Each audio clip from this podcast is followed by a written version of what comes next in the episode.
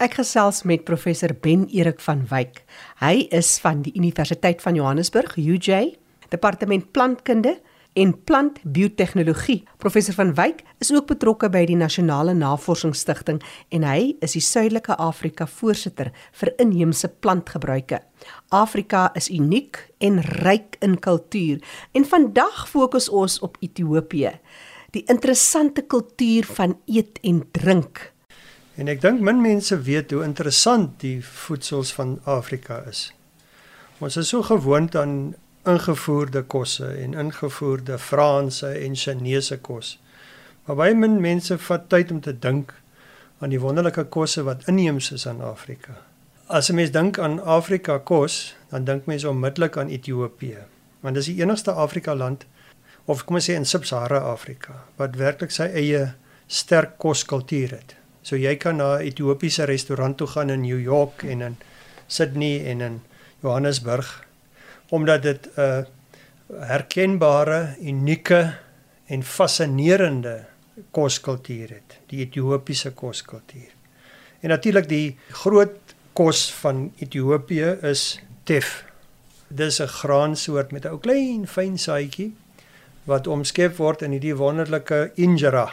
Injera is 'n pannekoekagtige brood, sal ek maar sê. 'n Sagte brood En dit is so wonderlik as mens dink aan die manier hoe Ethiopiërs eet, want hulle het dit altyd in die middel van die tafel. Dan is daar nou kossies in die middel, verskillende gereggies in die middel van die brood. En dan breek jy nou 'n stukkie af en vat jy 'n bietjie van die kossies in die middel en dan eet jy. En dit is baie oulik want hoe hongerder 'n ou is, hoe hoe vinniger eet jy. En gevolglik is dit uh, selfkorrigerend. Met ander woorde, almal kry genoeg volgens sy behoeftes. Dit is absoluut wonderlik daardie uh, samesyn rondom die injera wat dan standaard is in in die Ethiopiese kookkuns.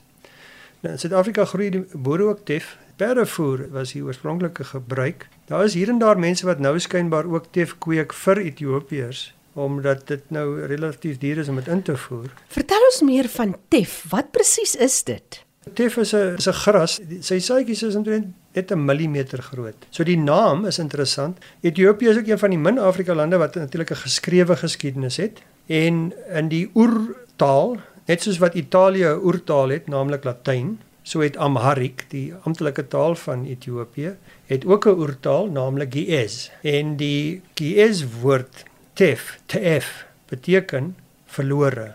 En die rede daarvoor is as jy mieliepitte laat val of as jy koringpitte laat val, kan jy dit weer uitsif uit die grond uit. Maar omdat die tef saadjie so uiters klein en fyn is, as jy die tef laat val, dan is ek jammer dan is dit verlore, dan is dit weg.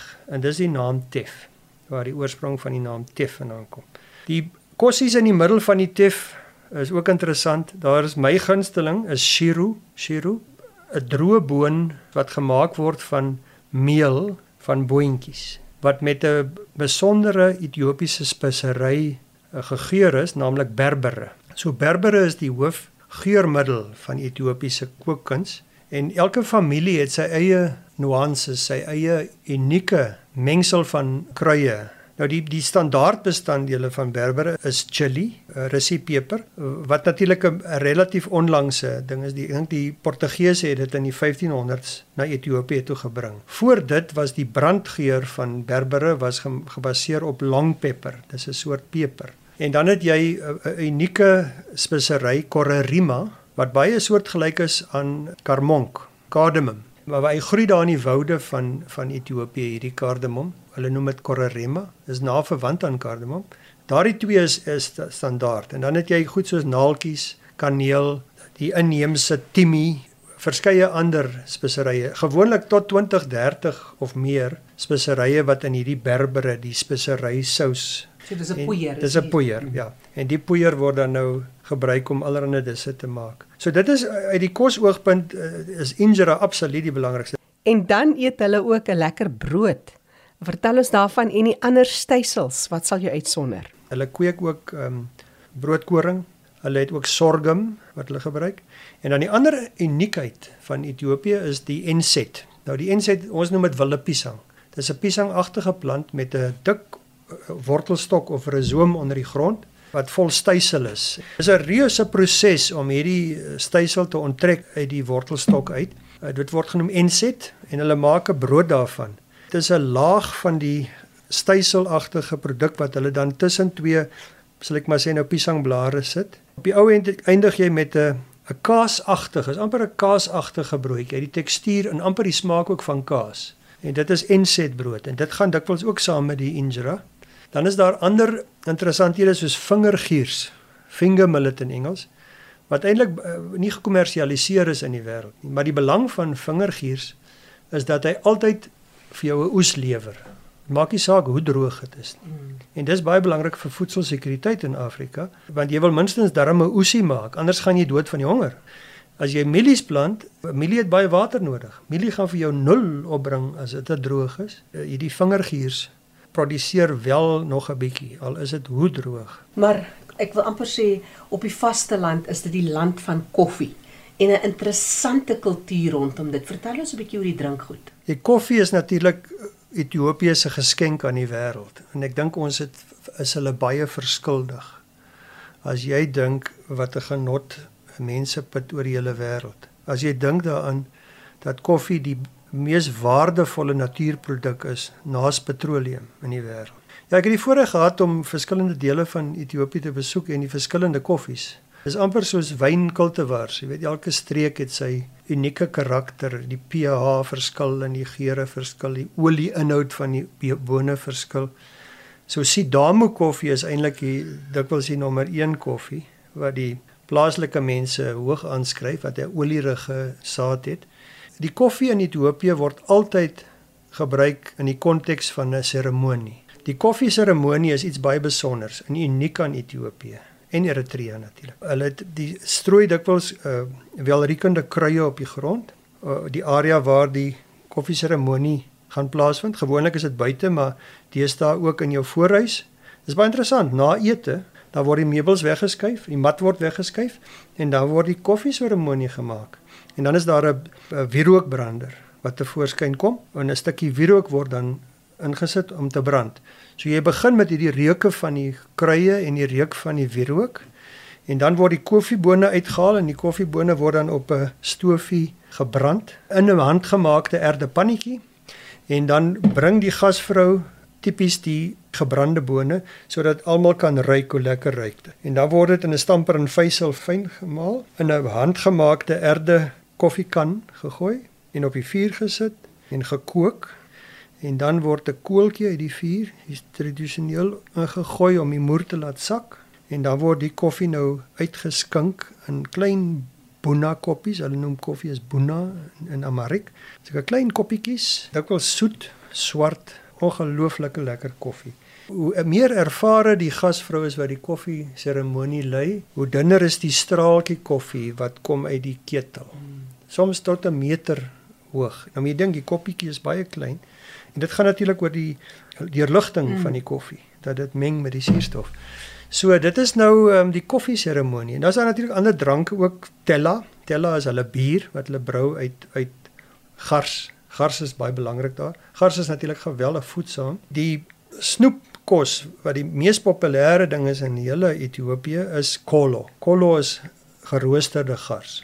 Net geroosterde gars en dis uiters gesond om dit te eet. Dan is daar ook tesh tesh is heuningbier wat gemaak word van gegiste heuning. Daar's hele prosedure en 'n hele ritueel daar rondom ook. Dit word gedrink uit 'n berula. Dit is so 'n aardige ronde bolflessie met 'n tuit. En dis nou jou berula glasie waaruit jy jou tej drink. Dit kom baie ooreen met die curry of curry van die Khoi mense, né? Die Suid-Afrikaanse kultuur van heuningbier. Kyk die Karreeberg. Karree is vernoem na heuningbier, né? Karree, Karreedou. Karedo is tog Kareeberg en dit verwys na heuningbier. So daar's 'n diep diep tradisie in die Khoi kultuur van die heuningbier wat skynbaar strek tot in Ethiopië. Ben Erik, daar was al baie besoeke wat jy afgelê het in Ethiopië en jy's ook die afgelope klompie jaar betrokke by 'n projek spesifiek om hierdie eeuoue kultuur op te teken. Ek het 'n dierbare vriend in Ethiopië, Ermias Dagne. Hy's professor in chemie. Hy's nou emeritus professor. En ons het die wonderlikste avonture in Ethiopië gehad. En ek het oor die jare heen uh, fantastiese foto's bymekaar gemaak oor die plantgebruike van hmm. Ethiopië, die historiese tradisionele plantgebruike. En ek dink dit is belangrik want daardie kultuur is vinnig besig om om te vervaag. Net soos wat die Khoi kultuur in Suid-Afrika vervaag, so vervaag ook die Ethiopiese kultuur. En uh, ek dink dit is belangrik om daardie ou gebruike vas te vang vir die nageslag. Dit die ding kom al baie jare aan, hierdie boek oor die gebruiksplante van Ethiopië. Dit lê my na in die hart omdat ek terugdink aan die wondere van Ethiopië. Ethiopië is die enigste Afrika land wat nooit gekoloniseer is nie. Hulle het die Italianers verslaan by die slag van Adwa met koning Menelik II wat 'n briljante strateeg was. Dan dink ek aan die klipkerke van Lalibela. Dis monolitiese kerke wat uit rots gekerf is. Dit lyk soos 'n konvensionele kerk, drie verdieping kerk, maar dit is totaal uit rots uitgekerf. Dit mure lyk soos 'n geboude huis se mure, maar dit is uitgekerf, uitgekap uit klip uit. Dit is iets wat mens moet aanskou. Die klipsteel is die pilare van Aksum. Die groot steen het in 'n aardbewing omgeval. Hy was 35 meter hoog en uh, 500 ton geweg. Ek dink 'n baie baie onderskatte kultuur, 'n onderskatte aspek van Afrika. Enige iemand wat daardie dinge gesien het wat ek gesien het, sal nie kan help om beïndruk te wees met hierdie oeroue kultuur wat sy eie geskrewe taal het, sy eie kuns wat strek van die koningin van Skeba. Dit gaan terug na Bybelse tye, oorwegend 'n Christenland. Daar's goeie aanduidings dat die ark in Ethiopië is. Dis nog nie bewys nie, maar daar's sterk aanduidings dat dit wel daar is. So daar's hierdie oeroue koneksies met die Europese kultuur ook. Ethiopiërs het dikwels die Vatikaan besoek, selfs in daai vroeë dae. So daar's 'n diep diep geskiedenis en ek dink enigiemand wat in Afrika belangstel, aangetrok het voel tot Afrika, kan gerus 'n bietjie dieper ingaan op die wonderlike kultuur van Ethiopië. En so gesels professor Ben Erik van Wyk van die departement plantkunde en plantbiotehnologie by UJ. Hy is ook betrokke by die Nasionale Navorsingsstigting as die Suidelike Afrika voorsitter vir inheemse plantgebruike. Ek is Jackie January. Groete tot 'n volgende keer.